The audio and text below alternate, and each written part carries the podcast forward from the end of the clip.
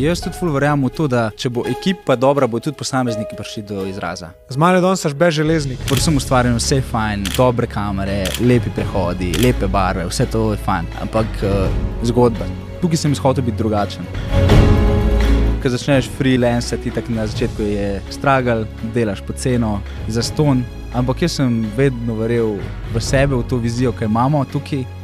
To, kar si ti zamisliš, dejansko je drugačno in pri tebi to zgleda minimum effort. V sobi doma sam je tukaj enih ur probavanja, pa učenja v bistvu že prej, pa iskanje inspiracije. V tem pogumu, ki ga zdaj govoriš, takrat ga nisem tako čutil. Še ena stvar, ki sem se naučil, likle v tej sobi, trenutek je tiskaš te. Prej greš gledati to epizodo, bi te rad spomnil, da lahko nekaj narediš za me. Sam s tem, da subskrbiš, komentiraš, pa to epizodo deliš med prijatelji, če ti je všeč, mi boš ogromno pomagal. Veš, da od mene ne dobiš nobenih oglasov, nikjer ti ne spemam. Tako da, če hočeš nekaj narediti za underdoga, je to tvoja šansa. Če si že subskrbil, pa vsaka čast, hvala ti, uživi v pogledu. Danes je poseben gost nasprot mene, zdaj ga še ne vidite, videli ga boste hmal. A ste ga videli že v trailerju, verjetno ste ga. Um, z mano je danes bež železnik. In ta epizoda je posebna. Ena, ker pride ven tam okoli Božiča, in dva, ker je človek, ki je ponovadi za kamero in to posname, danes sedi nasprot mene kot moj gost. Uh, in na 24. epizodo, ki je številka njegovega idola, Kobe Bryanta. In ta mentaliteta, mamba mentality se vidi tudi čez tebe.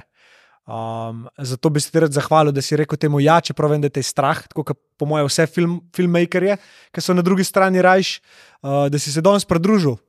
Um, ja. Hvala tebi za povabilo. Ne? Z veseljem.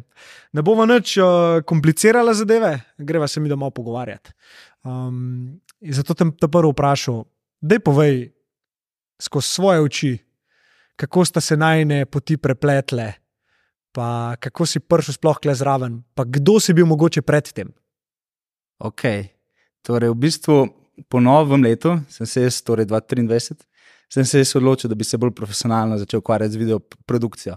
Se mi zdi, da sem to imel skozi vse, uh, ampak nikoli ni, nisem tega tako dojel, da mogoče pa bi to lahko bil moj job, ker tudi uh, sistem me je nekako učil, da, da moram iti v šolo, pa na faks, pa se izobraziti, pa pol v bistvu se pravi na nek job in to furati 40 let. Hmm. Ampak uh, to, da grem pa zdaj v video produkcijo, pa nasprotoval temu, da grem jaz po sistemu. Uh, In, ampak sem si to tako želel, da sem se v bistvu odločil, da bom začel iskati neko zaposlitev oziroma nek job v tej smeri. Uh, in takrat sem ogromno pisal mailov ljudem, med drugim tudi tebi. Mm -hmm. uh, in večina ti tako prezre, nekateri ti mogoče odpišejo, le se ne rabimo, ker tako nisem imel referenci, izkušen šole, nič od tega. Ne.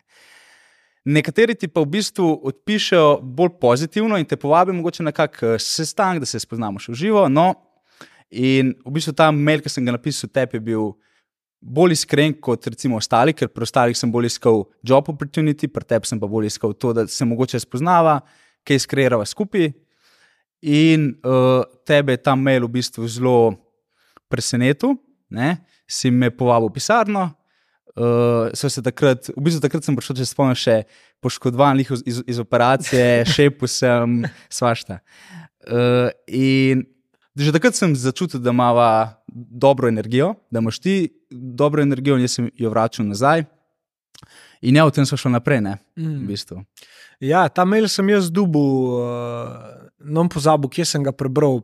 Lih sem končal s treningom in sem se odzunil v sedu, to je bilo kva, to je bil april Marc, marc. marc ja. To je bilo marca in se, je lih sonce svetu, in sem se zunil sedel pred fitnessom na stol in sem lepo odprl malo telefonček, majico sem dal dol, da malo D vitaminčka dobim. In sem sedel tam pred, eh, pred Jimom, odprem telefon, vidim mail, aha, až bež železnik, kdo je to, a ne. Um, Ok, bom jaz to pogledal, odprl. Takrat so se mi jih začeli dogajati, da so mi ljudje začeli pisati poročila, ne, hudo, kva ustvariš na TikToku, hvala, uno, da sem bil tako, ok, da mogoče pa kdo leto gleda, ker sem mislil, da pač ne. Um, no, in tvoj mail, in ga odprem in ga začnem brati, in čez mene začnejo neke emocije, uno, gor, dol, tretje, in jaz tako, kva se dogaja, in jaz začnem ležiti jokati pred Džimom. Uh, in sem tako uno si pustil in tako, uno, ok, zakaj se je to zdaj zgodilo. Um, ful mi je bilo všeč, da si dejansko mi povedal določene stvari, ki nisem vedel, da jih rabim slišati. Uh, v točki, kjer sem bil. Ker to se je lih takrat zgodilo, ker sem jaz začel nekako že razvijati underdoga. Ne? Iz tega, kaj to bo, workshop sem že prvi začel malo lansirati. In dejansko si mi ti dejansko rekel, na pravi poti si. Um, jaz sem pa kle zato, ker uh, ustvarjam video vsebine, pa bi mogoče lahko kaj skupaj ušpičila. No, in po, ki si prišel na ta sestanek, se spomnim, da, pač, da si parkiral avto in sem te šel iskat. In si šepil tam na polno do, do pisarne, in sem rekel: no, fakt, stari model, tam je bo oboje, to, to ni realno. ja, to sem te hotel vprašati, kako si ti na mene gledal, takrat, ko sem, ko sem se tam prvič pogovarjala. Ej, nisem čisto iskreno vedel, sploh, eh, kaj, kaj, zakaj točno se mi dva pogovarjava, kaj namen tega.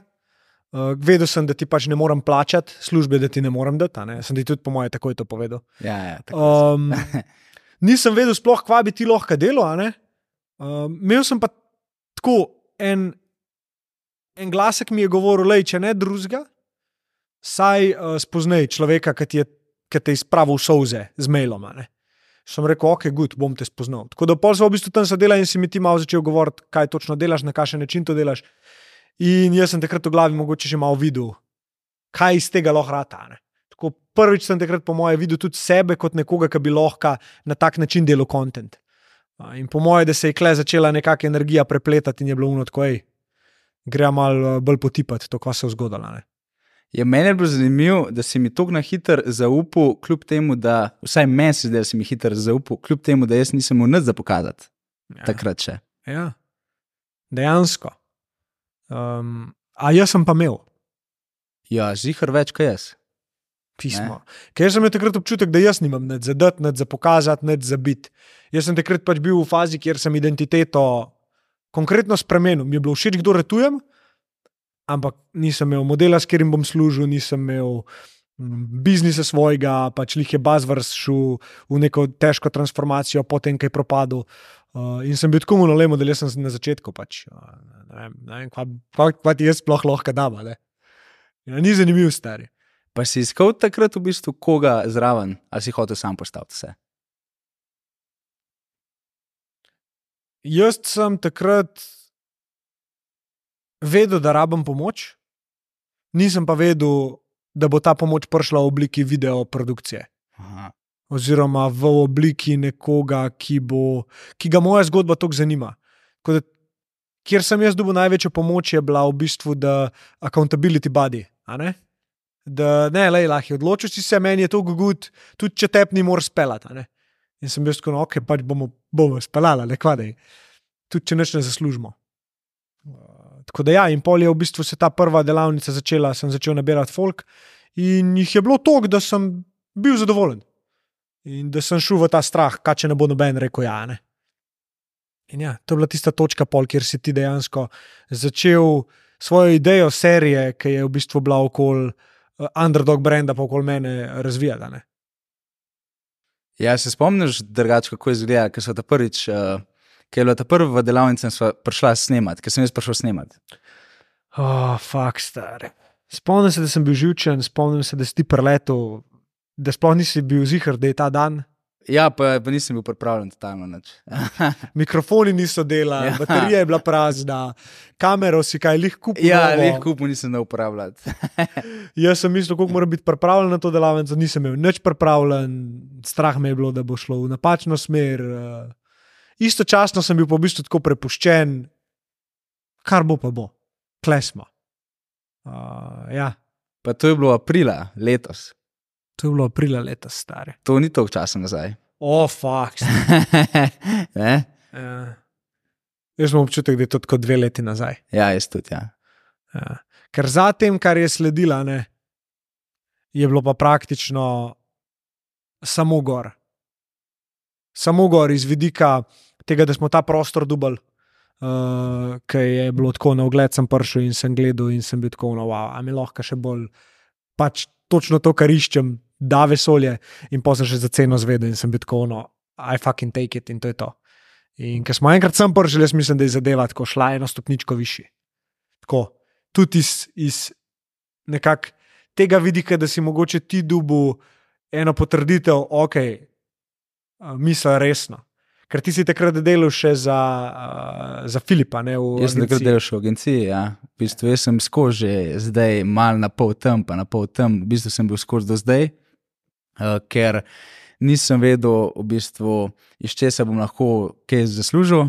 Uh, tudi, ko začneš freelance, ti tako na začetku je stragal, delaš po ceno, za ston, skoraj. Uh, in mi je bilo vse nesigurno, ampak jaz sem vedno verjel v sebe, v to vizijo, ki jo imamo tukaj. Uh, in nikoli nisem niti podvomil, da ne bom mogoče mogel se preživeti mm. z videoprodukcijo. Mm. Ampak tam si bil v neki fazi. Spomnim se, po mojem, je to trajalo še en mesec, ki si nekako bil v nekih občutkih, kaj jaz sploh še delam tam, pa v občutkih, ne, jaz moram biti tam v agenciji. Da jim je pel čez ta proces še enkrat. Kaj je šlo takrat po tvoji glavi, um, če ga boš lahko priklical nazaj? Da, je, da si vedel, da je neka odločitev, ki jo moraš sprejeti, ampak nisi čisto točno vedel, kako shendlati. Ja, jaz sem v bistvu že odskozi bolj tak, da rad razmišljam svojo glavo, rad to delam za sebe, na svojem, ampak uh, itak na začetku nisem mogel prežeti tega, da delam za sebe. Ker nisem znal, uh, nisem imel dovolj povezav, uh, premalo strank, in v bistvu sem rabo neko zaposlitev, vsaj za polovični delovni čas, da se bom jaz lahko preživel. Uh, in tista služba mi je predstavljala nek security, to pomeni, jaz sem tam, varen, uh, 15. vsak mesec pride denar, vem, da lahko plačam uh, to stroške za firmo, da sem lahko kapelo. Uh, in ja, in to me je držalo v bistvu. Nisem si upal poskočiti čist v to, da delam za sebe in da mogoče probam pa svojo zgodbo zgraditi. Mm. In ko gledam v bistvu za nazaj, se mi zdi, da bi mogoče lahko bil bolj pogumen že od začetka, mm. pa mogoče več delo svojih projektov za sebe, eh, pa tudi če je za ston, ker bi mogoče hitreje dobil reference in povezave. Ampak po drugi strani sem pravi to izkušnjo, mm. da sem v bistvu začutil, kako je to, kar delam za nekoga drugega in kako moram kreirati njegovo zgodbo. Pa ki ga lahko primerjam zdaj s tem, kar pa kreiram v bistvu svojo. Mm. Mm. Ampak v tisti točki takrat Um, se jaz spomnim, da v tem pogumu, ki ga zdaj govoriš, ne, takrat ga nisem tako čutil, ki ga zdaj ti žarevaš. Ne. Nisem še imel dokazov. Ne. Vse, kar sem takrat naredil za sebe, je bilo za ston ali pa pod ceno. Mm. Uh, in tu nisem dobil še nobene potrditve od toliko enih ljudi, da delaš dobro. Tudi mi, ki smo zaštartali, nismo takoj dobili potrditve, da delamo dobro.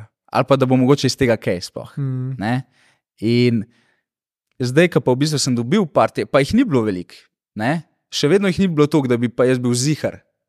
Ampak dobil sem jih toliko, da sem lahko samo zavesten v to, da, da karkoli bo, imam še vedno sebe in če sem začel na nuli, ne, grem lahko spet nazaj, ker tam sem že bil in bom znal odreagirati. Mm. A misliš, da je bolj pomemben to, uh, koliko dobiš potrditve količinsko, torej kvantiteta, ali da je bolj pomemben to, od koga potrditev dobiš? Se mi zdi, da je bolj pomemben od koga. Ja. Uh, lahko bi jaz dobil potrditve od vem, kolegov, ki se morda ne spoznajo toliko uh, v tej sferi, ki jaz delam.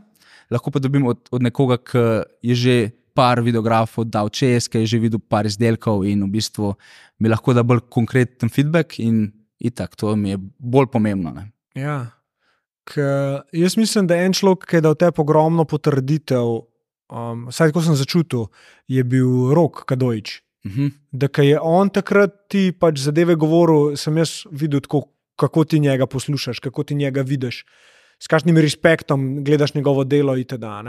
Um, da mi povej, um, točno ta del, ki sem ga zdaj omenil. Torej, kako, kako si ti takrat začutil roka, ki je bil klej na podkastu, pa kot je tak, tak človek rekel, hej, uh, dobro delaš.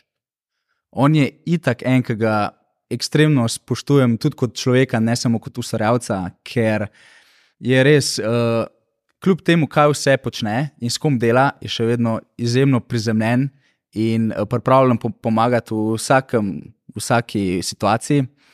Uh, in že zaradi tega, kaj, kaj vse on skreiral, vsaka beseda, ki je, je rekel, dobra za me, je bila itak vrh. Mm. Ker uh, vem, da on to točno ve, kaj gleda v videu, uh, točno ve, kaj je dobro. Uh, vidi tudi to iskrco, ki imamo mi, kreatori, v bistvu. Ne? In itak pohvala od njega mi je, mi je ogromno pomenila. Mm. Um, skozi ta proces, ki si ga zdaj omenil, se je začela nekako razvijati v tebi neka nova identiteta. Um, vsaj jaz sem to tako opazil. Na začetku sem full cenil to, da verjameš v stvari, zdaj full cenim recimo to, da si mi dokazal te stvari, da res pač to, kar si ti zamisliš, dejansko je drugačno, je, je, je nekaj lepega, je nekaj, nekaj tazga, ki še nisem videl um, tako. In pri tebi to zgleda minimum effort, ki te vidim jaz. Um, kako ti to vidiš? Mogoče tako zgledam, ampak. Uh ful ene kreativne energije gre v vsako stvar, ko jaz skreiram. Ali je to polminutni video, trailer, ali pa to, ne vem, desetminutna epizoda. Uh, vsako stvar gre ful ene kreativne energije in ful enega razmišljanja, kako biti drugačen, kako to narediti bolj zanimivo.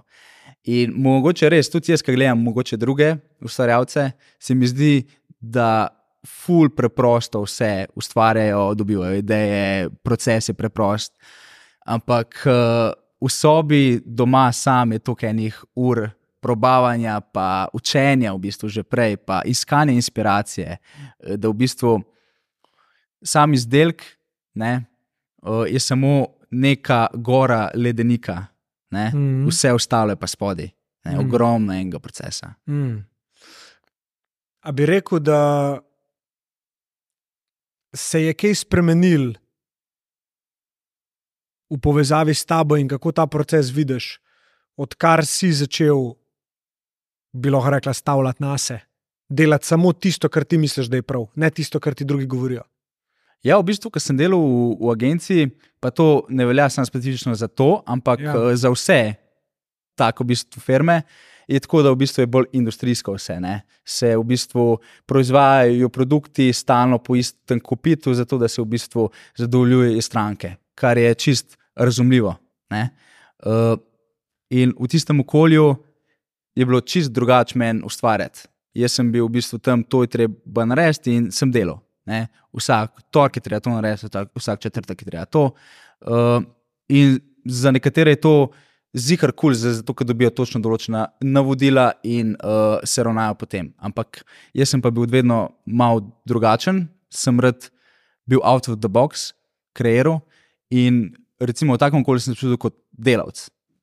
Zdaj, ko pa recimo dejansko delam za sebe, se bo vsakič počutim, da kreiram, da sem mm -hmm. kreator. Da, več, da, da nisem plačen za moje delo, ampak za moje ideje, kreativnost, energijo, ki jo dam. Mm. In to se je fur spremenilo. In tudi uh, moj pešen do ustvarjanja se je drastično dvignil s tem, ne? ker v bistvu mi ni več nič treba, samo še kreiram. Ja. Sam se ti spomniš prve epizode, um, v bistvu je bila to druga epizoda no, s Turkom, prva, ki je šla online, ker um, čista prvo, ta prvo epizodo. Smo mi vse postavili, neštimali, prešer visok, pride rok Drnikovič, se usede, se začnejo pogovarjati, posnamemo celo epizodo. In po epizodi jaz dobim sporočilo od tebe, um, skorpirali kartico, nimamo epizode. K kako si se takrat počutil? Take stvari se zgodijo uh, in velikrat gre na snemanjih, kaj na robe, ker je preprosto toliko enih uh, dejavnikov, da če si sam, ne moreš vseh kontrolirati vedno. In ja, uh, tisto je bila čist moja napaka, ker sem se slabo pripravil na snemanje.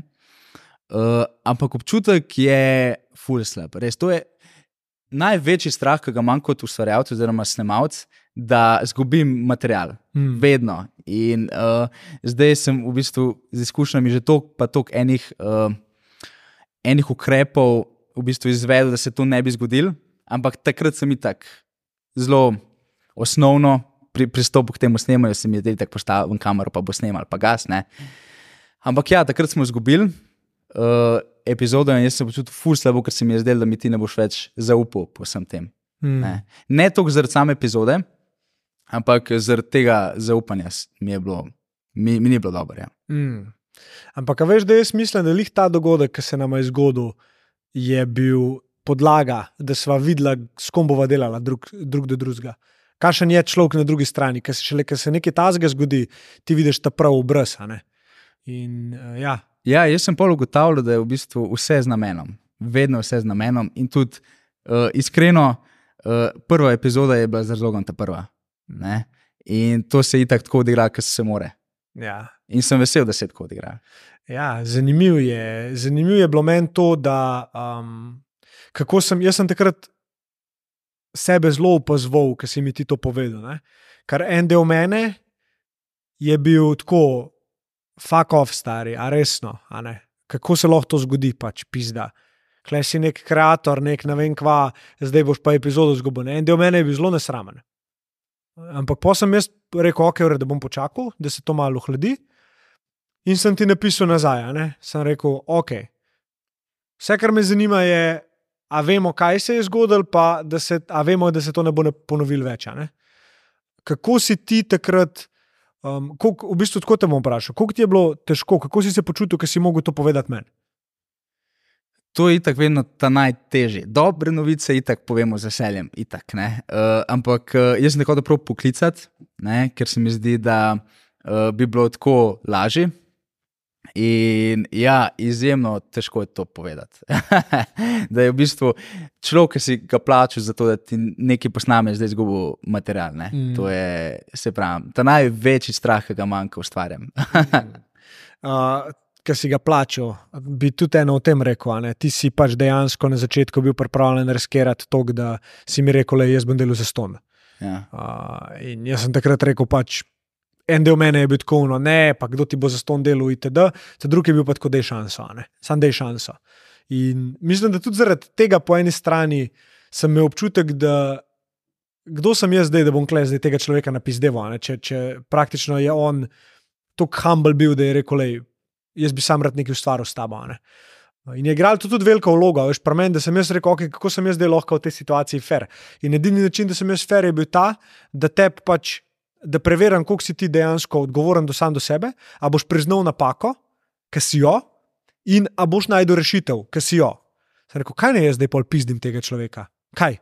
Edino vse, kar bi delal s tem, je to, da bi pač nek svoj nezaceljen del projiciral na te, da bi lahko nekam jezo stresu.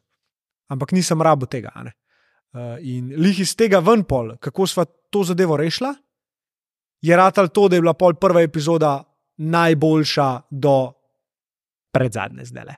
Ki je bila z Nino Grilca, ne prejšnja epizoda, ki jo, uh, ki smo jo zdaj lansirali, ki je bil pač odziv itek nerealen.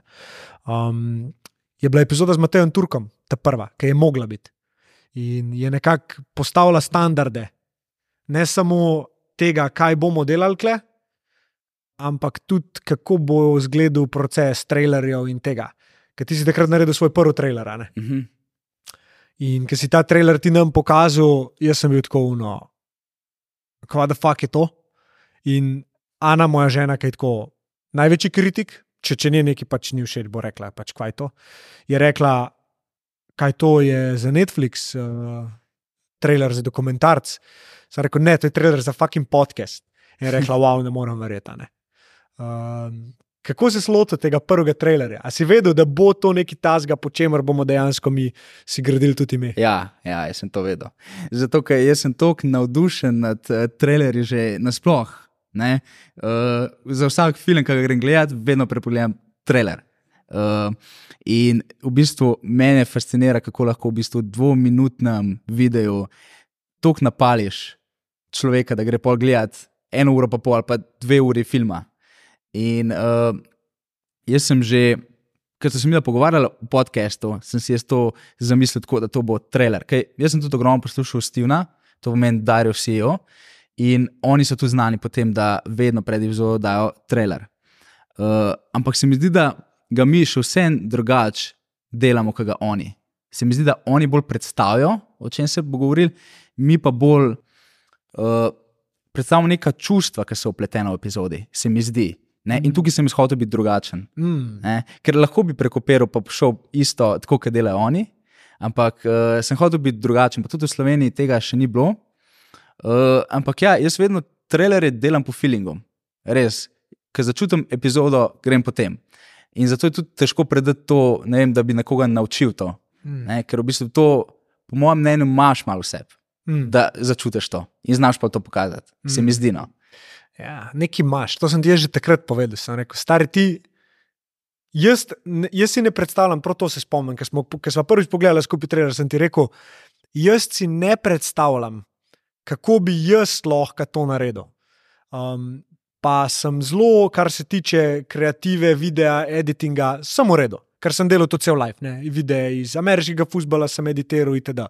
Pač jasen mi je proces.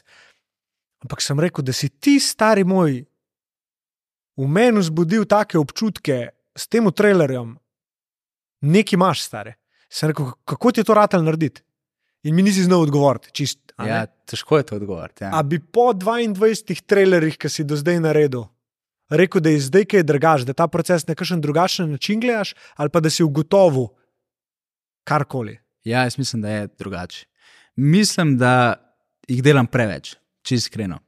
Se mi zdi, da uh, bi rabo tudi jaz en svež veter v tem procesu. To pomeni nekoga, ki bi, bi mogoče še odprl še kakšno drugo stvar. Ker se mi zdi, da jaz, ki gledam, mo mogoče drugi ne. Ampak jaz, jaz ki gledam, jih v bistvu vsak teden, po vsak teden jih zmontiram, se mi zdi, da je vsak že isti. Mm. Mm. Tak občutek imam jaz. Ja, ampak zanimivo mi je to, da ne glede na to, da mi ti rečeš, da je vsak že isti, ja, nekako je podoben stil, ampak to je tvoj podpis, stari. Ja, A veš, neke vrste. Ja. Ja, um, štekam, da je mogoče prišel čas, da probaš nekoga naučiti, zato smo tudi pač ta proces že Mhm. štartala. Um, ker od začetka se že tam skriva ta tvoj, ne, kaj nočem iti, ampak vem, da je to moja naslednja stopnička. Mhm. In to je predati svoje znanje, pa nekoga naučiti biti tako dober, kot si ti. In ne imeti konstantno tega občutka, če jaz ne bom naredil, ne bo narejen dobro. Uh, Dej mi malo povej, kako na to gledaš. Zakaj je bil konstantno, ko se je o drugih ljudeh govoril, da bi s tabo delali, prisoten ta nek strah, ta neka, neka, nek strah pred izgubo kontrole. Se mi zdi, da to izhaja že iz v bistvu šo, srednje šole. Ker sem v bistvu takrat, uh, jaz sem iz Litije in sem celo osnovno šolo bil v Litiji, in uh, to v bistvu malo ljudi, vsi se poznamo. In tam sem bil v bistvu v šoli vedno odličen. Uh, Košarko sem začel trenirati že pri šestih letih, in tudi tam sem bil the best v Litiji. In potem se je pa pojavila želja, da bi pa jaz sproval z velikimi fanti v Ljubljani. In sem v bistvu zamenjal okolje, se v bistvu preselil v dom v Ljubljano, ker sem se upisal na gimnazijo. In tukaj sem res prišel v eno ekipo prvo ligo in sem sedel. In jaz nisem bil navaden tega. Itak, uh, in od tam pa pride Kobe v igro. Ne, jaz sem skozi njega poslušal, pa mentaliteta, pa be the hardest worker in the room, skozi. In takrat sem jaz res začel delati, dvakrat na dan, pa šel v šolo. In takrat sem dejansko tudi jaz postal nek underdog. Hmm. Ne? Um, in od tam sem se vedno boril za pozicijo. Ali je bilo to v šoli, ker so bili večina je bilo pametnejših od mene, sem hodil na, na Bežigresko gimnazijo. In uh, tudi uh, v klubu, vedno borba za pozicijo, pa pol prideš s starejšimi, pa spet jovo na novo, pa nov trener, pa stalno. In to mi je ostalo skozi, da sem bil v bistvu. Se mi je zdelo, da sem sam odgovoren za vse, kar se zgodi, in da se, se nekaj izborim, da to pa moram zdaj držati, se boriti za to, da ne izgubim, ker je bilo skozi to. Tu, tudi če sem eno tekmo veliko igral, je bilo tako v ponedeljek, oh, zdaj moram spet na trening trenirati, zato da bom slučajno izgubil te pozicije zdaj. Ne? In iz tukaj tudi izvira v bistvu to zdaj, ker se mi zdi, da noben ne more delati ali pa biti tako prisoten, kot jaz. Uh, in zato se tako držim tega, ker tako zaupam sebi, uh, pa mogoče še ne toliko ostalim, kar ni prav. Hmm. Um, je, mislim, kar je, je prav. Um, mislim, da si ti na popolni poziciji za nekoga, ki bo rado vodja. Zato, ker imaš kvaliteto rajš kot to, da si občudovan ali pa da pobereš zasluge. Če bi jaz tebe vprašal, a bi raje dal ven brutalen trailer zdaj le, pa pač ne bojo jih vsi vedeli, da si ga ti naredil, ali bi raje dal ven poprečen trailer, pa, oziroma da bi en drug naredil dober trailer, pa bi ti pobral zasluge, bi raje zbral prvo. Ja, ja, ja. Ja. Ja. In, in, ja. To je bil tudi moj proces, veš, da ekipo postavim, zdaj smo mi ekipa. Ne? In to je bil tudi proces itak v klubu. Ekipa je pomembna, ni pomembno, koliko jaz igram, pomembno je, da zmagamo. Ne? In uh, to sem se skozi učil, učil in še vedno se učim. Uh, in se mi zdi, da sem čez dalje boljši v tem, da res ekipo postavim uh, na prvo mesto, da mi moramo zmagati. Mm. Mene si večkrat postavil pred dejstva. Uh, večkrat si, in jaz sem fulh hvaležen za to, da mi ti pokažeš, takrat, ko ti nekaj ni všeč, ne? čeprav vem, da je takrat zelo nelagodno za te, neprijetno. Ne? Um, ampak parkrat smo že imeli pogovore, kjer sem jaz v eno stran šel in se ti nisi strinjal in si mi to tudi povedal. Um, Kako se ti zdi pomembno, da v takih situacijah si slišan? Um, pa kako si ti gledal na take situacije, ki so se nama zgodile? Meni se zdi to ful pomembno, meni osebno, da me ljudje poslušajo, ko povem mnenje. Sej ni nujno, sej smo velikrat smo, smo naredili drugače. Ampak uh, mi je biti težko, mi je recimo naslednji dan, ker razmišljamo, to bi mogel reči, imam polje sosepto in uh, mi je ful fajn, da se izrazim. In se mi zdi, da tudi jaz zdaj postajam spet boljši v tem, da tudi sprejemam druga mnenja, ker se postavim polo kožo drugega, ok, on bi tudi bil rad slišan, ne sam jaz. Ne? Uh, ampak so imeli par neprijetnih pogovorov, Mm. mm. ker sem bil jaz tudi malo užaljen, mogoče, ne? pa tudi ti kdaj. Mm Ne? Ampak se oba učijo v tem procesu, -hmm. kar je ful lepo, a ni. Ja, mislim, mogoče ekipo postaviti pred sebe je nekaj, nekaj je pa pač. Jaz mislim, da ima mi dva oba ta nek večji namen, ki ga lahko vedno postavlja pred lastne ambicije. a ne. Okay, a to zdaj, kar bova mi dva naredila za odločitev, ki jo sprejemava, a je važno, da imam jaz prav, ali je važno, da je ta odločitev čim bolj sinhronizirana s tem, kar mi želimo pustiti tukaj s tem projektom. ne. Točno to je. A veš, imamo zmeraj neko zvezdo Severnico, kjer se lahko oba potegneva ven v vlogo opazovalca. In klej moraš vedeti, kakšno vlogo to igra, da si tudi tišel v ta proces rasti, pa si začel razbijati svoje vzorce, ki ti niso služili tekom tega procesa. In zdaj, ki se mi da pogovarjava, pa na začetku, ki smo se pogovarjali, je to čist drug pogovor. Ja, In- ampak in- je še vedno ful proces. Ne? Sigurno, ne? in vedno bo. Um, kar je, po mojem, tako, če bi po fazah pogledal, kaj se je nama dogajalo. Prva faza je bila tako, no, kdo sploh si ti, a, ne? a bova sploh lahko skupaj shajala. Druga faza je bila, ok, a smo dosti dobri, da zdaj s tem, kar delamo, se postavimo na mapo, še ena kljubca, in zdaj pač smo v fazi. Let's fucking have fun, pa da vidimo, kam nas topele. In jaz šele zdaj, mislim, imam občutek, ko čisi iskren, da nimam nobenega pritiska, da res to, kar delamo tukaj s tem projektom, je dobro in, in da, da pač si ti zadovoljen. a ne. Da ni, ni, zdaj, to, ni zdaj neka podlaga za to, da se ti nekaj naučil, pa už pa šu. A veš, ker na začetku je bil tako konstantno ta iz agencije še, ker sem jaz sem to skozi poslušal. Ja, ma, tega bomo pol natrenirali in pol bo šu. Pač kva, kva mi sploh delamo, klene. In sem bil tako, jaz sem svoje rane skozi to zdravo. Medtem, ko zdaj, ko pogledam prihodnost, kot te vidim zraven. In, in tudi, če se ti odločiš, da te ne bo zraven, jaz sam vem, da boš lahko pet stopnic višji, snemati v fucking Hollywood, če boš hotel. In, in sem s tem ful pomirjen zdaj, ker dejansko um, istočasno vem, da si kle zato, ker ti je nekaj omogočeno, ne zato, ker te nekaj drži. ne. Želiš biti kle ali pa moraš biti kle. Ja, jaz tudi ful verjamem v to, da uh, če bo ekipa dobra, bo tudi posamezniki prišli do izraza. Ja. Ne? To, to pomeni, da uh, če bomo mi kot celota funkcionirali, bo, tudi- bom tudi jaz dobil zasluge. Ja. Ne? Ampak če bomo pa vsi za nič, pa noben ne bo dobil zaslug za nič. Ne? Ja. Ja. Um, v enem obdobju vmes si mi napisal na tole kartico, až be železnik, si mi napisal gor, I will make this work, I promise. Kva si kle v tej situaciji razmišljal? To je bilo v bistvu na začetku najnega sodelovanja. Lih smo prišli sem v to pisarno, se mi zdi. In takrat uh, sem bil zelo izgubljen. Uh, delal sem v agenciji, uh, ni mi uspeval freelance, to pomeni, uh, nisem enih strank. Mi, da so šele začenjala, uh, tudi še podcast, to nismo snemali, uh, in tudi ti nisi nekako vedel, kje smer gremo. In uh, jaz sem pa takrat čutil, da je to lahko nekaj velikega. Ampak nisem vedel, kaj, nisem vedel, kako, ampak sem pa bil sa, samo zavesten, da je lahko. Kaj ti je govoril takrat, da lahko? Občutek. Občutek, ki ga ne znam opisati. Ker jaz sem ti takrat gor pol odpisal. Ja. I know. Ampak to nisem napisal tebi, to sem napisal sebi ker sem imel zelo podoben občutek. Nisem vedel, kaj, nisem vedel, kako.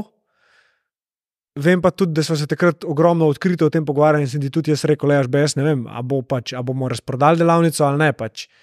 Um, preživeti moramo, plačati še ne morem, vsaj dva meseca ne. To je to.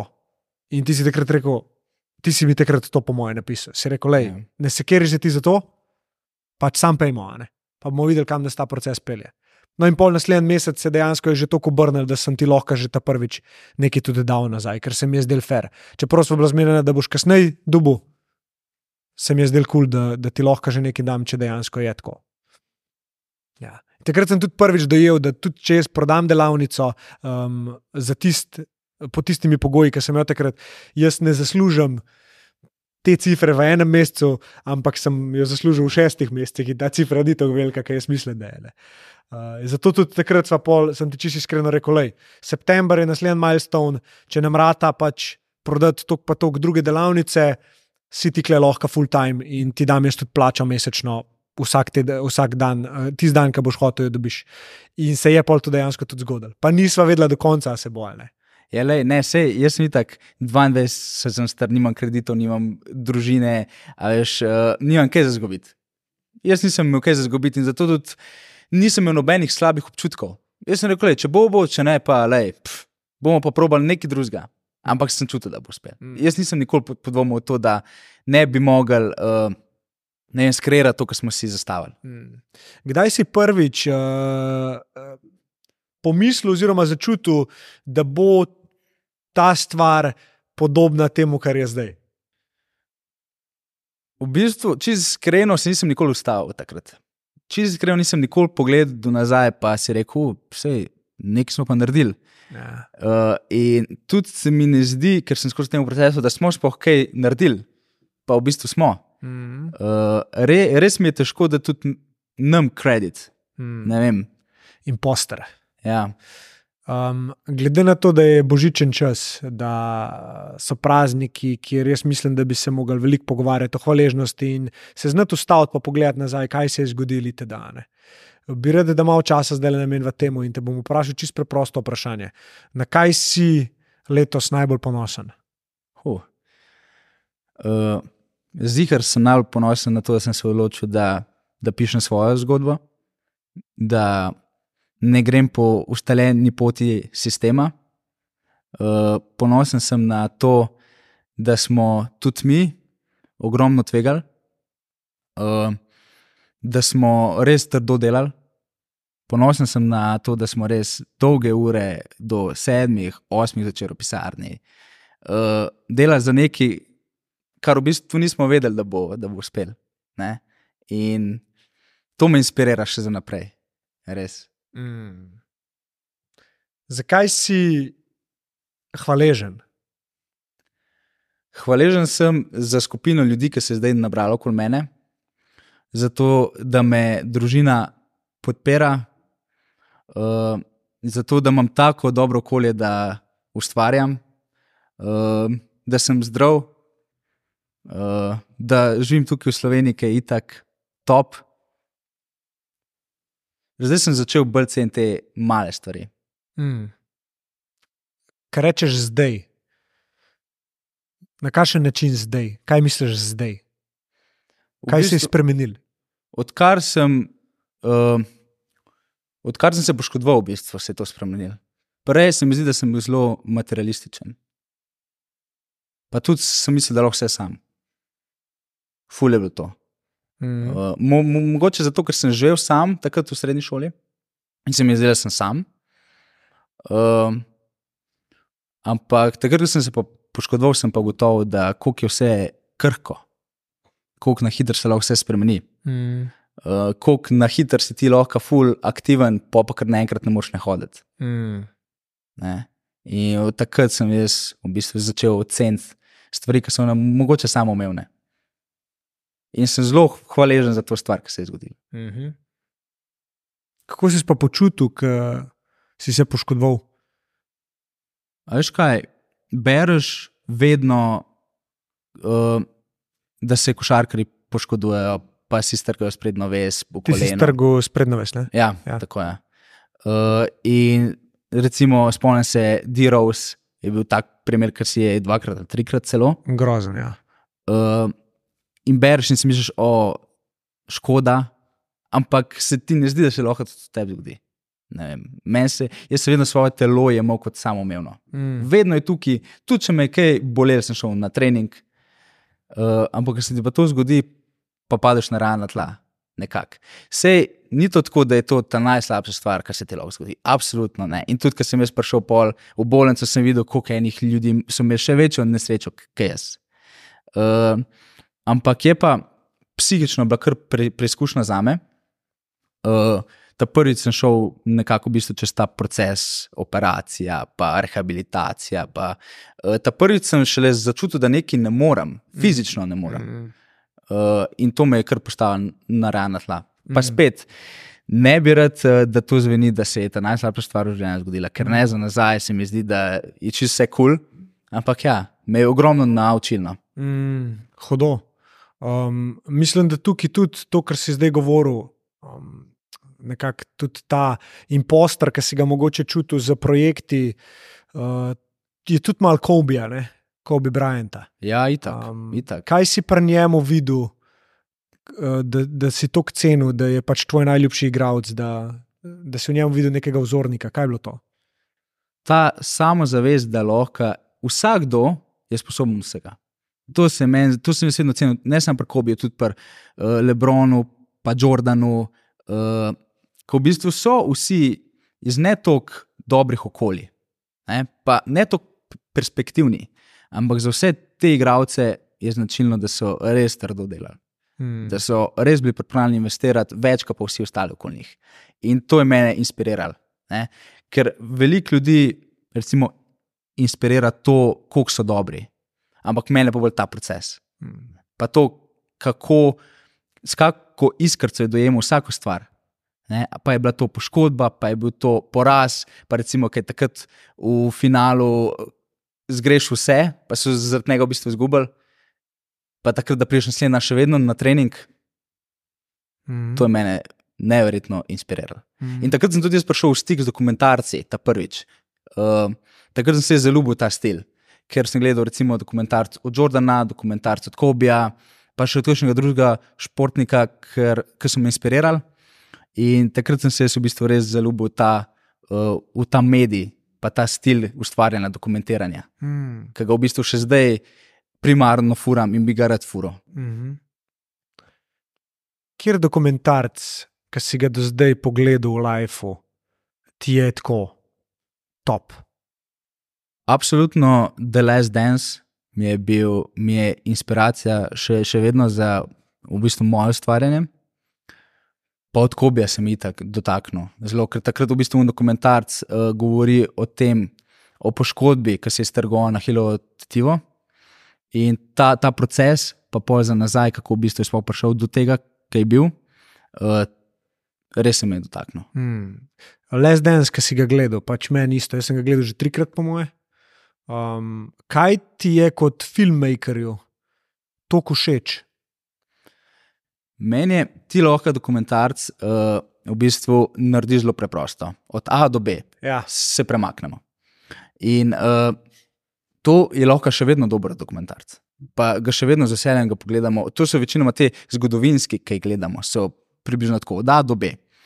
Uh, ampak kaj je meni ekstremno všeč in kar se mi zdi, da se loči, ker ločimo poprečno od izjemno, je pa to, da v bistvu imaš ti fizično pot, povezavi s psihično-mentalno potjo.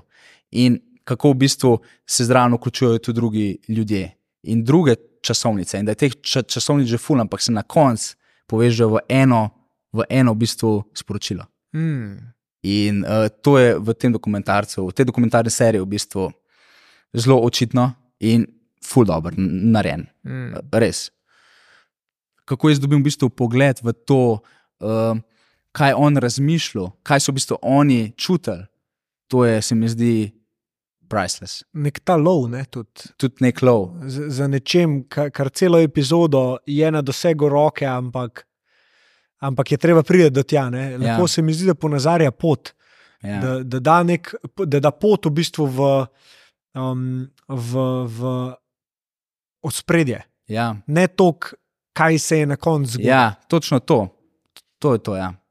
Ja, in zato tudi kle uh, nekako ideje, ki prihajajo okoli um, okol underdog projekta in kako se bo razvijal. Ne? Vse so nekako povezane s tem, okay, kako mi lahko sam posnamemo, pa dokumentiramo to, kar dejansko delamo, pa iz tega naredimo nekaj več. Ne? Kako lahko zapakiramo v to neko sporočilo, ki ga hočemo predati. To so pogovori, v katerih jaz najbolj uživam s tabo. Um, ker, ker jaz dejansko imam ogromno enih idej, pa vidim stvari, vizije imam, ti jih pa znaš dati v v vizualno obliko, na tako visoki kvaliteti, da um, se ljudi dotakne. Ker se mi zdi, da je to lih tako pomembno, veš, kot sama zgodba. Ne? Kako ti ja. to zgodbo pokažeš? Itak, Um, itak, ja. in, in, in pol vidiš, nekako direkt iz feedbacka, iz uh, real life, da če je trailer res dober. Folk, veliko ljudi pogleda samo trailer, trailer pa reče: wow, brutalno, sploh ne gre gledati podcasta. Ne? Um, in so tako, no, ne, pač se trailer tudi full hud. Ne. Sem tako, ja, ampak podcast je tisti, kar trailer je narejen. ne. Uh, um, dejansko ti cel proces, ne glede na to, kaj delaš, um, da večjo vrednost, kot pa tisto, kar nasež, dosežeš na koncu. Všeč mi je tudi to, da si ti v bistvu tudi malo v bistvu, uh, se to vem, naučil ali pa vzel od mene, da si dal v spredje tudi na epizodah zgodbo. Mm. Ne? Uh, ker jaz itak, predvsem ustvarjam vse fajn, dobre kamere, lepi prehodi, lepe barve, vse to je fajn, pa oprema, pa vse. Ampak uh, zgodba se mi zdi. Mm. Zgodba in to se mi zdi, da manjka zdaj pri ustvarjalcih, ker smo vsi šli na te short vsebine. In to je vse v bistvu zelo na hitro, samo za pozornost, ne? ampak uh, da manjka ta zgodba. In Mm. tudi podcastov se ogromno, ogromno se dela, zdaj pa nastaja novih, ampak se mi zdi, da je vse tako po, površinsko, Mm. ni globine, ni zgodbe. In uh, to mene fuludbije Mm. pri vsebinah. Če se malo vrnemo na, na božične uh, praznike, pa to, ne? kaj bi predstavljali, da je to, kar boš zdaj povedal, je darilo, ki boš dal ljudem? Kaj, kaj bi povedal mladim ustvarjalcem vsebin? Uh, Jaz sem še vedno mlad. Valjda. Valjda. Um, kaj bi jim povedal, neko modrost, ki si jo potegnil ven iz tega, kar si delal, v povezavi z ustvarjanjem vsebin, ki bi jo lahko zdaj z veseljem pač tako rekel vsem, ki bodo to poslušali, ki se kakorkoli ukvarjajo s tem. Jaz bi rekel, sam de, deli. Snemi kamero za roke, snemi experience. Te bo že proces učil. Ne, ne rabim te jaz, noben te ne rab, itak je fajn. Jaz sem tudi, kdaj si plačal, kako je izobraževanje, pa se od koga učil, ampak proces te bo učil. Mm. Sam plin kamero, roke, ne prokrastiniraj. To je, jaz sem itak, sem vedno čakal, ko bom kupil si kamero proper, takrat bom pa začel snemati, takrat bo pa vse nastavljeno tako, da jaz uspem. Ampak uh, ne, ne. Sam snemati, uh, dokumentirati, tudi da ugotoviš, kaj ti v bistvu sedi, ker videoprodukcija je široka in lahko delaš v bistvu kar hočeš, ker je res, da je vse tako dostopno in sam probati. Mm. Kar jaz se še vedno tega, še, še vedno mi je to ful pomembno. Tudi, uh, in vedno bo. Tu, če bom kdaj delal, ne vem, v kakšni produkciji, še vedno mi je najbolj všeč, ko sam primem v roke kamero in grem posnam nekaj brez namena in potem ugotavljam, aha, to je bilo Mm. to naredil, to bi šlo tako posnet. Itd. Ja, um, produkcijo boš imel svojo. Ne? Ne vemo še. Ja, ne vemo še, kako bo se to išlo, ampak um, Underdog Productions, to, kar smo zdaj začeli delati, nekako fulma smisla. In klej sem tudi jaz nazaj razvil svojo ljubezen do um, video vsebin in do zgodbe in do tega, ne? ker je pač tako naravno prišlo. Pač kje smo dobri, podcast, kje smo še dobri, traileri, zgodba, serija. Ok, ti si rekel. Pa da gremo mi še za koga drugega to narediti, zakaj ne bi pač še dodaten revenue stream odprl. In takrat sem jaz rekel, ok, v redu, mi da bo res nedolg, nedolg uh, rok še delovala, ker si ti to idejo pač zaupal meni. Si rekel, lahi ti pač moraš stopiti v vlogo um, um, CEO-a, uh, postaviti biznis, furati biznis, v tem si dober, meni pa zaupi, da bom kvalitetno naredil vse to, kar je treba. In sem bil skuno, a meni jih kar zdaj le 22-leten človek povedal tako obvious zadevo, ki jo jaz pač nisem mogel videti. In, in, in mi je ful všeč to, da sem jaz tudi skozi ta proces odprl vse glavo. Pa jaz, me je čisto vse en, kdo mi nekaj govori. Jaz sam zaupam občutku, a ga bom poslušal, a ga ne bom. Sprejemam čisto vsako mnenje. Sam pač pa enih zelo hitro odklopam, no, okay, nekaj iz tega bom jaz dejansko lahko pol tudi naredil, ali pa nekaj lahko skupaj ustvarva, um, pretep sem tako. To je ta problem, ponavadi pri um, teh vsebinah, ki jih mi snemamo, da ponavadi zelo težko dobiš sredstva, da to posnameš. Mm. Recimo dokumentarci. ne. Uh, Raj bo firma investirala v Facebook ads. ads, ja. recimo, ne, ne v dokumentarc. Ampak uh, lih to se, se mi zdi, da je bila priložnost, ker so vsi razmišljali na ta način. Noben ni investiral v bistvu v to uh, znanje, v zgodbo, v behind the scenes dogajanja, in kar naenkrat ljudje to rabijo, ker ni več tega. Rabijo zato, ker ti ustvarjaš diment po tem. Oziroma, vsi mi, ki to delamo. Tako, ne, tako. In, in lih ta proces, ki greš enkrat v ta proces, kot si sam rekel, ker smo šli zdaj snemati eh, s telo intervju, pa uh, birole posnet, pa na fermo do njih, pa so oni imeli svoje predloge, ne, pa so te mal tako uno postavili na realna tla, le po naše bo. ne. In so se mi tukaj pogovarjala, pa so si rekla, stari moj, um, ne, mi bomo naredili po svoje. Uh, kako si se počutil, ko si to slišal uh, od mene? Pa si mogoče vedel, po kateri poti lahko gre. Ja, jaz sem prej vedno delal na princip stranka, ima vedno prav. Zato, ker na koncu koncev te najame. ne. Uh, ampak zato pa sem tako pristaš tega, da delam, za, da delam tudi svoje stvari, svoje vide, zato ker lahko sem res svoboden. In mene zelo, zelo mi ni všeč, ki me, ki me omejujejo, ampak to je del tega. Kjerkoli boš delal, te bo omejeval tako ali pa drugače. Uh, in mi je bilo zelo všeč, ker si se postavil za, v bistvu, za idejo, ki smo imeli. In na koncu smo najdeli neko skupno pot, ki nam je- bilo vsem všeč. In, ampak sem pa vmes bil mal nervozen ali pa jezen, da mogoče pa ni po moje čist. ne. Uh, ampak sem se sprijaznil s tem, da nikoli ne bo. Mm -hmm. Za res. Ampak dejansko zdaj je. Ne? Nekako je, ja. ja nekako smo najdeli, se pravi, to skupno pot. Ampak proces, že sam proces tega, ki smo začeli delati, ne? se nekje je ideja, ti si imel ful dobro idejo, kako bo to izgledalo, vse, kaj si želimo. Itd. Greš v proces, zdaj ti to idejo predstav temu drugemu. Ne? No, predstavlja, ta prvo meni, a veš, in si bil tako uno, pizda lahi, jaz, jaz nisem dober v tem, da predstavljam, ampak govorim, jaz sem dober v tem, da naredim, sam pust mi, da naredim. Pa sem tako, ok, vsaj jaz moram razumeti, da jaz lahko predstavim, kaj jaz pa sem dober v tem, da nekomu predstavim idejo. Ne? In znam predati to, da bojo razumeli. Ja, pri teh dokumentarnih vsebinah je velik problem to, da ne veš, kaj boš dobil.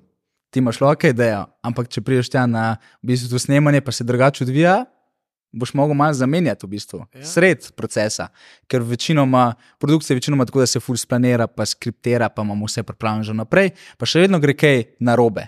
Mm -hmm. Tukaj pa v bistvu greš čist na v bistvu, eksperimentacijo in nekaj se lahko prepraviš, ampak mm. uh, je brka ne občutek na, na terenu. Ej, um, od Einsteina rek, mislim, da je, da je inteligenca v bistvu sposobnost prilagajanja na spremembo. ne.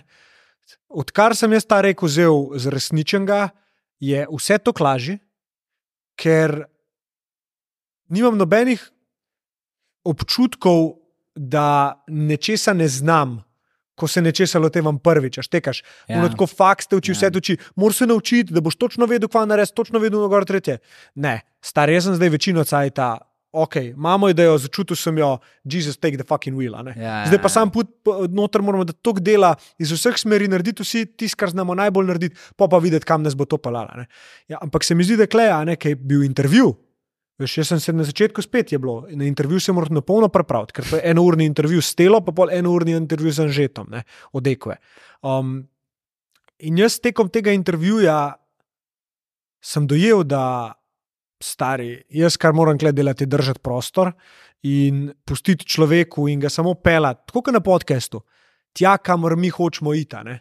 In takrat sem jaz dojel, da no, tega pa zdaj vidim, zakaj ne dela veliko ljudi tega, kar mi delamo. Ker je težko, res, res težko. je težko. Res je Res. težko, ker ti tukaj moraš emocije ven pobrati. a veš, in ker dobi človek nasproti tebe souzne oči skozi pogovor, takrat jaz vem, ok, manj šota. Ne. ne iz tega oportunističnega vidika, ampak pač točno to, kar, si, kar se je zdaj zgodilo, bo tisto, kar bo temu videu dal to, kar, kar si ti vizualiziral en mesec nazaj. Ne, Ja. ne kako bo luč, kako bo kader, Ja, ja, kako bo, kaj to. bo rekel ta človek. Ne. A veš, pa oni so imeli ful idejo, da bomo skriptirali, da se bomo to pač, da bomo zaigrali kadre. Mi da smo tako, fakt, ne, ne, ne, ne, ni šans, ne moramo, ne moramo, sorry, ne moramo. Zato pa tako malo ljudi to dela. Ne? Točno to. Ne? Ampak klej noter je bila ena lekcija za naj oba skrita. Um, bod pripravljen zgubiti tudi cash, če je treba, zato da bo tvoja ideja slišana. Bod pripravljen bi- izgubiti. Šele takrat, ko si ti pripravljen izgubiti, veš, da je ta prava ideja. Ker če tega ne boš naredil, tvoj notranji, notranji glas, tvoja notranja inteligenca, ki more to dati ven iz sebe, ne bo zadovoljna. Ja. Zato velikrat, veš, ko greš z neko idejo, si tako cel nahajpan in pol ti prvi feedback, ki ga dobiš, je uno, ja, ok, dobro, se bomo prilagodili, pa bomo naredili tako. ja, ko sem tudi jaz skozi delo. Ja. Ne, v bistvu se tepla, sta se tepla skozi te dva. Uh, en, ki ima idejo, uh, drugi pa, ki bi rad zaslužil. Ne? In problem je, ne, da sploh od začetka, ker nimaš še veliko denarja, pa strank, pa to, greš, se vedno prilagodiš. Le bom pa zaslužil, pa ne imajo pa svoje. Mm. Ampak te nekako žre to. Ne? Mm. Ja, skozi od zadaj. Ja, skozi se zadnji. Pa se v bistvu samo odločaš, a, je, a ti je bolj pomembno. Sploh ni to, stari. Ne, kaj ti je bolj pomembno, ampak malo manj resno začneš gledati na to, kaj si bo drug mislil. Ja, ja. Ampak zato, da prideš do te točke, pa rabaš dokaze. Pa rabaš iti večkrat v situacijo, ja. pa rabaš iti v, v to, da pač še zmeri, ne glede na to, kaj narediš v biznisu, da daš ti še zmeri poudarek na odnos s človekom, s katerim delaš. Ta se mi zdi full powerful. veš. Ja. Kakle vedno je bil nek respekt od zadaj. Tudi če smo imeli drugačen pogled na situacijo ali pa bi na drugačen način mogoče kdo nekaj naredil, vedno je bilo spoštovanje. Točno Vedno. to, ja. Drug je bil slišan in potrudili smo se, da je feedback bil v smeri tega, da skupaj dosežemo tisto, kar je najboljše za obe strani. Ne, ne da je nekdo, ne da je po, po ideji od nekoga, samo zato, ker je on tako rekel, pa ker si tako želi. In, in se mi zdi, da ko enkrat spustiš ta pričakovanja, pa še zmeri ne spustiš tega, da na ta način se mora ideja izvesti. Um, Ker se enkrat to zgodi, šele takrat ti lahko skreiraš tisto, kar si akumuliral do zdaj, v teh štirih, petih mesecih. a veš. To se nabira, nabira, nabira ta kreativna energija in ti jo moraš ven. Ja, še eno zanimivo stvar sem omenil, ne? Eh, kaj se bo mislili drugi. Ja. Ne? To se, se mi zdi, da je stvar, s katero se pa najbolj zdaj borim. Uh, in lih v komunikaciji, ne, uh, stranko, uh, ja, se me bo kar odbil. Ne? Če bom jaz povedal, kaj si mislim. Ne? Ali pa recimo predno objavim video, vse to bo vsi skritizirali, to ni dobro. In uh, Ker si rekel tudi, da pri meni zgleda en- enostavno. To je stvar, s katero se v bistvu borim z vsakim videom, ki ga delam. Mm. A jaz, ki vidim te videe, pa vsi ostali, po moje, tudi so tako, wow, vsaka častane. Ja, mogoče se zdi ful samozavestno vse, kar sem tudi mogoče do zdaj povedal, zdaj le. Ampak je to enega strahu v zadju, pa kaj se bo mislili drugi, pa kaj če failam, pa konstantno, konstantno. Sam zato pa tudi mislim, da si na ta pravem mestu, veš, da si pač si najdel tako okolje, kjer dejansko lahko te stvari opazuješ, ne rabiš jih živeti. ne. In a veš, si spoznal mene, si spoznal Mateja Turka, ki približno na isti način rastemo, pa se spreminjamo, pa celimo drug drugemu rane, pa se sprejemamo točno take, ki smo. Um, in imaš v bistvu konstantno okolje, kjer ti lahko te strahove fejsaš. Ne, da a veš, jih skrivaš, a, ne? a pa da ti en reče: ne, ne rabite biti strah, vse je v redu. Ja. Ne, ne, ne. Rabite biti strah. Rabite Morate strah, biti ja. strah. More, zato da se ti soočaš s tem, zato da greš v to. ne. In ti greš kot le konstantno skozi to. Pa ti ne bo noben poveličeval tega, pa ti rekel, jo, jaš beja, te je strah, uno gor, treba, boli nas kurat, stari. Ja, Ti greš v svojo zgodbo in narediš stvari po svoje. Zato tudi ta strah lahko ti premaguješ. ja, ampak na koncu vse okolje je ful pomembno, ampak na koncu si še vedno sam s tem. Ne? Ja, In ga moraš premagati sam. ja. In že velikokrat se mi je zgodilo, da sem kaj hotel objaviti, pa je bilo že skre- skreiran, pa sem si premislil. Mhm. Re, recimo, ne? pa je najverjetneje bilo čisto dober. ja. Uh, ampak uh, jaz mislim, da imamo vsi spodnji začetku to. Vse. Ja. Upati si biti na začetku začetnik je underrated as fuck. Ja, ja. To je tako podcenjeno, ker jaz vidim pri ljudeh, ki si to upajo biti, jaz sem eden izmed njih, ker sem se jaz s tem sprijaznil. Da jaz hočem biti ruki, jaz hočem ne vedeti neki, jaz hočem biti začetnik in hočem, da ljudi vid- vidijo, kako se jaz zabavam, ko pač nekaj ne znam. A Ne? Bolj sem začel opaziti, koliko je ljudi, ki jih je tega full strah, da oni nečesa ne znajo. In jaz mislim, da to iz- izhaja iz programiranja, iz šole. Ja, Kako ne veš itak. tega? Kako ne veš? Ne? Te so te, ki največkrat rečejo, pa to je samo umnevno, to bi pa ja mogel vedeti. Jaz tega ne rečem, stari. Zato, ker vem, da ni. Če ne ve, kako je pol samo umnevno. Se pravi, jaz, tebe, jaz, jaz sebe kle samo dajem v nek višji položaj avtoritete, kjer jaz to vem, ti pa ne. Kako tega ne veš? Ja, v šoli te skozi tako učijo. Sej, pa že starši se tako učili, pa pol te starši tako učijo, pa stare starši se tako učili, pa gre tako naprej. In ni druge, ne, ne more biti drugače. Ja. Zato pa se mi zdi, da je to pomembno, da delaš, ker si boš v bistvu zgradil en kup enih dokazov, ki boš lahko pol v takem, v takem položaju, prleko gor, pa si Ja. pomagal z njimi. Ne. Ja. Um, če, če pogledamo zdaj malo iz nazaj naprej, um, kaj si želiš nekako v 2024, um, da se zgodi?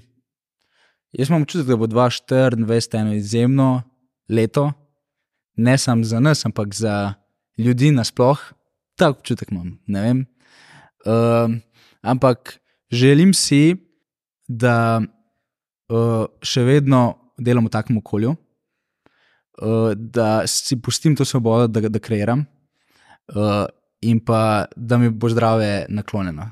Samo to si želim, ker vem, da vse ostalo bo pač prišlo zraven. Ker vem, da če bom zdrav, bom trdo delal, bom uh, dobil vse to, kar si želim ali pa me inspirira. Uh, tako da ja, samo to. Hmm. Kaj si pa ti želiš v 2024? Da si bom pustil biti drugačen, da bo iz mene še naprej hodil tok ene ljubezni do ljudi. Um, in da bomo s tem, kar delamo tukaj, um, dosegli pravi namen v obliki tega, da bo sporočilo, ki ga bomo predali, predano na zelo unikaten, zelo kreativen način. Um, da bomo slišani kot to, kar smo, ne kot to, kar mislimo, da bi bilo ljudem všeč. Uh, in itak, Hudo. želim si, želim si zdravja za celo družino, um, kar vem, da bo, um, za celo ekipo. Um, in samo, da bomo imeli čim več priložnosti, kjer bomo lahko živeli life. To je to. To bi rekel nekako. Hudo, hudo. Ja. Se si ga bomo skrerali sami. Ne? Točno to, a ne. Čakajo nas ful dobre epizode za podcast, lepo se razvija. Čaka nas prvi event, ki ga bomo hmalo lansirali. Čaka nas mrč, čaka nas Underdog Productions, kako se bo razvil, nove kliente dobimo. Čaka nas svašta. In kako se tega ne bi veselil. Ne? Sem pa ful hvaležen, da se je to zgodilo na tak način, ki se je. Itak, jaz tudi. Ampak grem pa še vedno ful red korak za korakom. In ne gledam preveč vnaprej. Vem, da imam še ta teden ful enih stvari, ki jih moram še narediti. Recimo, Ja, ja. uh, mi in ne bo mi pomagal, če sanjaram, kaj vse se bo zgodilo, oziroma bi se lahko zgodilo. Uh, ker tudi še ena stvar, ki sem se naučil, likle v tej sobi, trenutek je tisto, kar šteje. Uh, in vse ostalo je iluzija. Mm, to je resnica, stari moj. Ker smo želeli pri trenutku, če bi danes umrl, kaj bi bilo tvoje sporočilo svetu? Uf. Deli zgodbo. Ker zgodbe nas učijo, uh, nas zabavajo, nas inspirirajo. In kako veš, da tvoja zgodba ne bi nikoga inspirirala? Mm. Až bež železnik, hvala lepa za Hvala tole. tebi za ta pogovor. Ja. Kako si se počutil? Mal nerozen, mogoče bi kakšno stvar povedal, drugače ne bi bilo kamera, ampak uh, Ja, ja. boš, kot sem mislil, da se bom. Ja. Um, z razlogom si bil tudi sem postavljen, zato da boš meni bolj lahko pomagal, ker razumeš, kako je biti kle. Uh, in ne boš vedel samo, kako je biti tam, vedel boš tudi, kako je biti kle, zato boš lahko še boljši. Itak. In to je preprosto to. To je moje božično darilo za te. Hvala, vzamem. To je to. Hudo. Kat.